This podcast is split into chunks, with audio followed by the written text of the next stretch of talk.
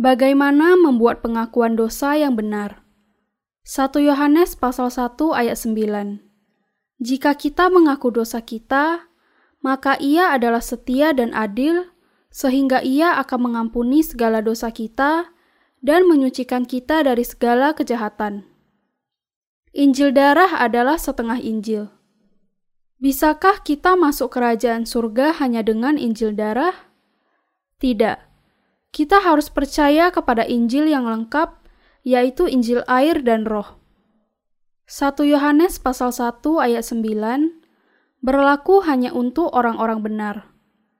Kalau orang berdosa yang belum ditebus, berusaha untuk memperdamaikan dosa-dosa harian, seturut dengan kata-kata di ayat itu dan mengakui segala kesalahannya, dosa-dosanya tidak akan diampuni.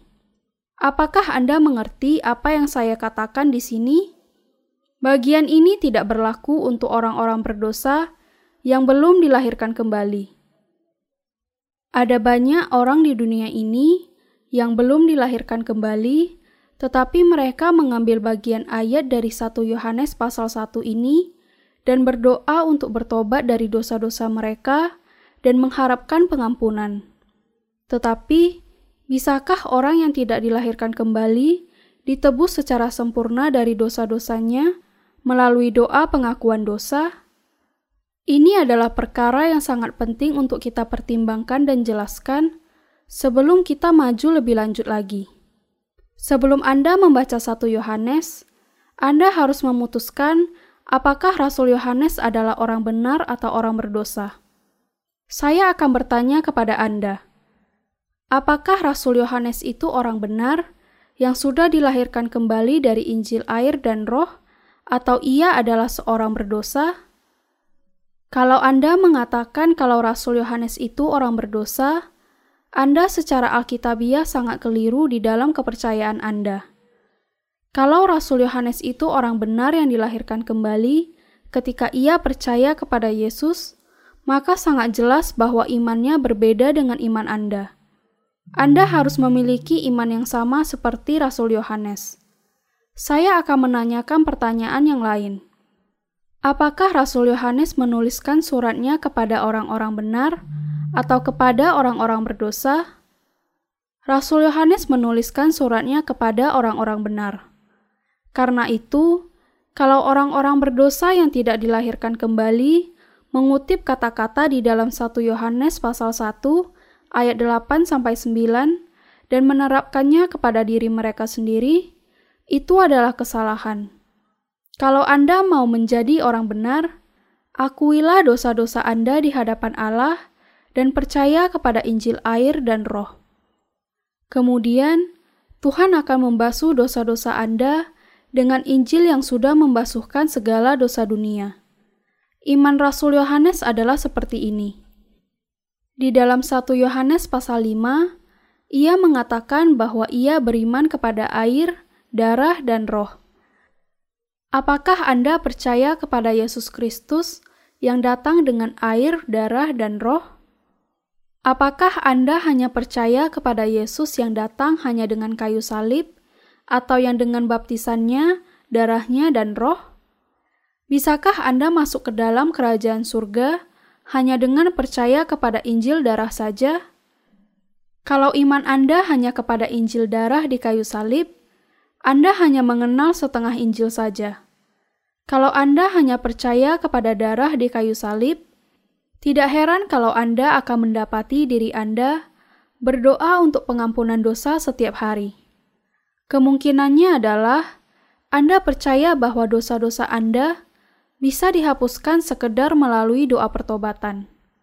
Tetapi, bisakah dosa-dosa Anda dibasuhkan ketika Anda hanya percaya kepada darah di kayu salib, bertobat, dan berdoa untuk pengampunan bagi dosa-dosa harian Anda? Kalau Anda salah satu dari orang-orang yang demikian, maka dosa-dosa Anda akan tetap ada di dalam hati Anda, karena tidak ada seorang pun yang akan membasuh dosa-dosanya melalui iman kepada darah di kayu salib saja, atau melalui doa-doa pertobatan setiap hari. Kalau Anda salah satu dari orang-orang itu, maka Anda belum mengenal Injil air dan roh, dan iman Anda tidaklah lengkap. Rasul Yohanes dilahirkan kembali karena ia percaya kepada Injil air dan roh. Tetapi, Anda percaya hanya kepada darah di kayu salib. Ketika Anda sendiri tidak memiliki gambaran yang jelas tentang Injil, bagaimana Anda bisa membimbing orang lain kepada keselamatan? Anda sendiri belum dilahirkan kembali, tetapi Anda berusaha untuk memperdamaikan dosa-dosa Anda melalui doa pertobatan. Hal ini tidak akan pernah berhasil. Tidak peduli betapa kerasnya seseorang berdoa dan bertobat, dosa-dosanya tidak akan bisa dibasuhkan dari hatinya. Kalau kadangkala Anda merasa bahwa dosa-dosa Anda sudah dihapuskan, maka hal itu hanyalah bayangan dan kekuatan dari perasaan Anda saja. Kalau Anda berdoa dan bertobat, anda mungkin saja bisa merasa disegarkan selama satu atau dua hari. Tetapi, Anda tidak pernah bebas dari dosa-dosa Anda dengan cara yang demikian. Orang-orang berdosa berdoa dan bertobat, berharap untuk diselamatkan dari dosa mereka. Inilah sebabnya mereka masih menjadi orang-orang berdosa, meski mereka sudah percaya kepada Yesus selama beberapa waktu. Mereka tidak mengenal Injil air dan Roh. Kalau Anda percaya kepada Yesus tetapi belum dilahirkan kembali, mungkin saja Anda salah satu dari orang-orang itu. Kalau Anda berusaha untuk diperdamaikan dari dosa-dosa Anda dengan berdoa dan bertobat setiap hari, itu adalah kesaksian yang sangat jelas bahwa Anda belum dilahirkan kembali. Anda harus memutuskan apakah untuk percaya kepada Injil air dan Roh sebagaimana yang dilakukan Rasul Yohanes, atau untuk meletakkan iman Anda di atas pemikiran dan perasaan Anda sendiri. Yang pertama adalah kebenaran yang jelas, sedangkan yang lainnya adalah ketidakbenaran. Injil yang benar sesuai dengan Alkitab adalah bahwa Yesus dibaptiskan dan menanggung segala dosa dunia sekali untuk selamanya dan menerima penghukuman bagi segala dosa di kayu salib. Kalau seseorang percaya kepada baptisan Yesus dan darahnya di kayu salib, ia harus diselamatkan sekaligus dari segala dosanya. Di lain pihak, kalau seseorang berusaha untuk membasuh pelanggaran-pelanggarannya dengan doa pertobatan, ia tidak akan pernah menjadi bebas dari dosa-dosanya. Apakah Anda berpikir bahwa Anda bisa mengingat semua dosa harian Anda? Apakah Allah akan membereskan juga dosa-dosa yang atasnya Anda belum bertobat? Apakah doa pertobatan menjadi jalan keluar yang pasti untuk masalah dosa-dosa harian? Tidak. Pertobatan yang benar dan tujuan dari pengakuan. Apakah batas dari pengakuan dan pekerjaan baik? Meski kita harus mengaku dosa kita sepanjang hidup kita, kita tidak akan bisa diselamatkan hanya dengan pengakuan atas pelanggaran kita dan melakukan pekerjaan baik. Pertobatan di dalam Alkitab berarti berbalik dari iman yang salah kepada iman yang benar, dan bagi orang-orang benar, itu berarti mengakui kesalahan pribadi dan kemudian kembali kepada terang Injil. Kalau saat ini Anda orang berdosa, Anda harus membuat pengakuan seperti ini. Allah yang kekasih, saya sudah berdosa dan layak masuk neraka. Tetapi saya rindu untuk diselamatkan dari dosa saya. Tolonglah selamatkan saya dari segala dosa saya. Saya belum dilahirkan kembali, dan saya tahu saya harus masuk neraka. Inilah pengakuan yang benar. Kemudian, pengakuan jenis apa yang harus dilakukan orang-orang yang dilahirkan kembali? Allah yang kekasih, saya sudah melakukan dosa-dosa mengikuti daging saya. Saya percaya bahwa Yesus dibaptiskan oleh Yohanes Pembaptis dan menyelamatkan saya dari segala dosa saya, bahkan dosa-dosa yang baru saja saya lakukan, yang membuat saya sebenarnya harus mati karena dosa-dosa saya. Saya bersyukur kepada Tuhan bahwa Ia sudah menyelamatkan saya dengan air dan darah. Pengakuan dari orang-orang yang dilahirkan kembali dan yang tidak dilahirkan kembali adalah berbeda. Kita semua perlu memiliki iman yang sama seperti Rasul Yohanes. Kalau Anda berusaha untuk menyembunyikan dosa-dosa Anda di balik pengakuan yang sebenarnya adalah untuk orang-orang benar, maka Anda tidak akan pernah diselamatkan dari kematian yang adalah upah dosa. Semua orang berdosa yang belum dilahirkan kembali harus berhenti bersembunyi di balik doa pertobatan dan memulai percaya kepada Injil yang benar dari air, darah, dan roh. Mereka harus belajar tentang iman Rasul Yohanes dan dengan itu mendapatkan keselamatan. Orang-orang berdosa tidak menyadari betapa buruknya penghukuman yang akan terjadi karena dosa-dosa mereka. Doa yang paling buruk di hadapan Allah adalah ketidakpercayaan kepada Injil dilahirkan kembali dari air dan roh. Semua orang yang percaya kepada Yesus tetapi belum dilahirkan kembali harus mengaku di hadapan Allah Tuhan, saya orang berdosa yang harus dibuang ke dalam api neraka. Sementara menahan dari mengatakan, Tuhan, basuhlah dosa-dosa saya. Ketika seorang berdosa menerima ke dalam hatinya Injil bahwa Yesus menyelamatkannya melalui baptisannya di Sungai Yordan dan darahnya di kayu salib, ia bisa diselamatkan dari segala dosanya. Inilah jenis pengakuan dosa yang harus dibuat orang berdosa untuk bisa diselamatkan dari dosa di hadapan Allah. Seorang berdosa hanya perlu mengaku bahwa ia belum dilahirkan kembali dan percaya kepada Injil air dan Roh. Kemudian, saat itu juga ia akan diselamatkan. Dengan Injil air dan Roh, keselamatan orang berdosa menjadi lengkap.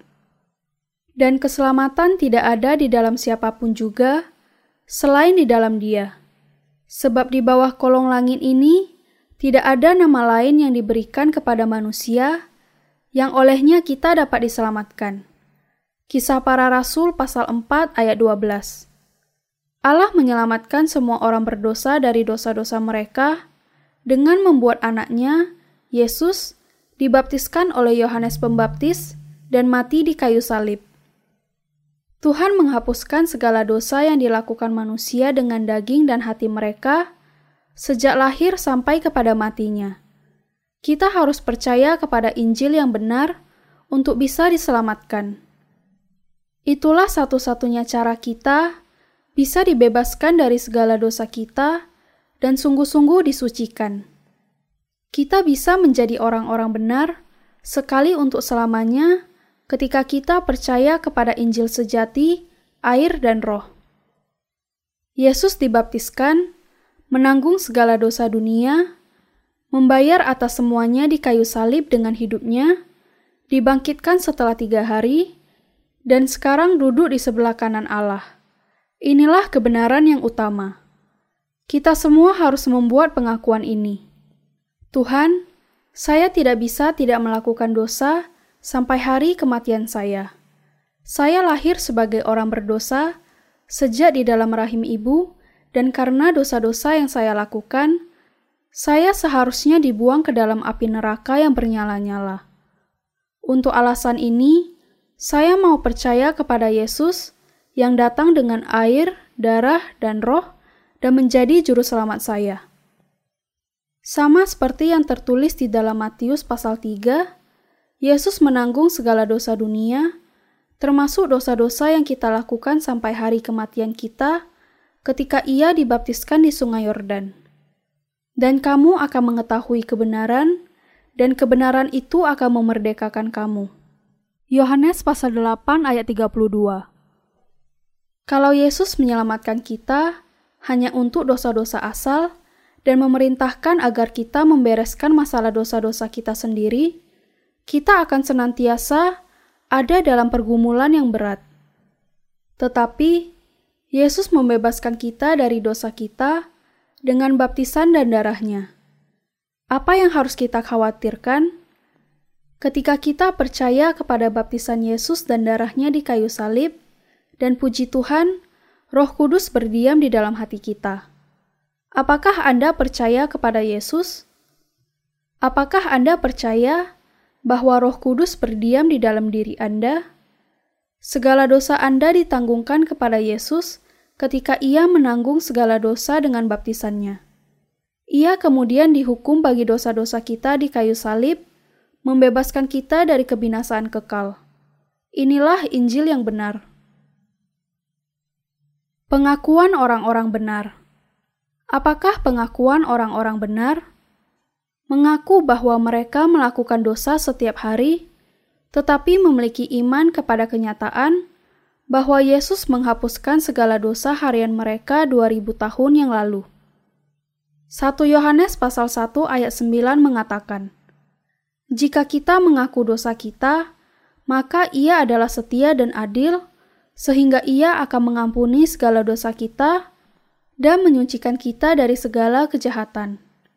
Ini berarti bahwa seseorang yang memutuskan untuk percaya kepada Injil air dan roh harus mengaku dosa-dosanya dan berkata, Tuhan, saya tidak bisa tidak melakukan dosa sepanjang hidup saya, tetapi saya tahu bahwa saya tidak bisa diselamatkan dari dosa saya melalui doa pertobatan. Saya percaya upah dosa adalah maut, dan tidak ada sesuatu pun selain baptisan Yesus dan penyalibannya yang bisa menghapuskan segala dosa saya. Saya mengaku saya melakukan dosa hari ini, tetapi saya percaya bahwa Yesus sudah membasuh segala dosa yang saya lakukan hari ini di Sungai Yordan 2000 tahun yang lalu. Kalau ia berdoa dengan cara demikian, masalah dosa di hati nuraninya langsung dibereskan. Orang-orang yang dilahirkan kembali hanya perlu mengaku dosa-dosa mereka. Mereka hanya menegaskan bahwa Yesus sudah membasuh dosa apa pun yang mereka lakukan. Karena Yesus dibaptiskan dan mati untuk orang-orang berdosa 2000 tahun yang lalu, bagaimanapun lemahnya mereka, segala dosa mereka sudah dihapuskan. Teks yang kita baca hari ini adalah sangat indah bagi orang-orang benar. Tetapi kalau orang berdosa mengambil ayat ini dan memakainya secara salah, ia akan tetap masuk neraka. Akan tetapi, Ayat ini merupakan salah satu ayat yang paling sering disalahgunakan di dalam Alkitab. Hal itu sudah begitu lama menyebabkan kesalahpahaman yang sangat besar di antara orang-orang Kristen. Ada pepatah yang mengatakan bahwa seorang dokter yang tidak benar bisa membunuh pasiennya. Ketika seorang dokter yang tidak benar berusaha melakukan lebih dari kemampuannya, kemungkinan ia justru akan membunuh pasiennya. Sudah hukum kehidupan bahwa seseorang harus terlatih dan menjadi berpengalaman untuk bisa melakukan tugasnya dengan baik. Hal itu sama dengan di dunia iman. Orang-orang yang mengajarkan firman Allah harus menyampaikan kebenaran sebagaimana yang tertulis secara tepat dan jelas, dan orang-orang yang belajar dari mereka haruslah memiliki iman kepada apa yang mereka ajarkan. Kalau pengotbah mengajarkan kepada pengikutnya doktrin yang salah, atau kalau orang-orang yang percaya belajar dari Alkitab secara keliru, hal itu hanya akan mengakibatkan penghukuman dan neraka bagi keduanya. Hanya orang-orang yang dilahirkan kembali yang bisa mengajarkan Alkitab dengan benar. Bahkan, obat yang baik bisa membunuh pasiennya kalau dipakai secara salah.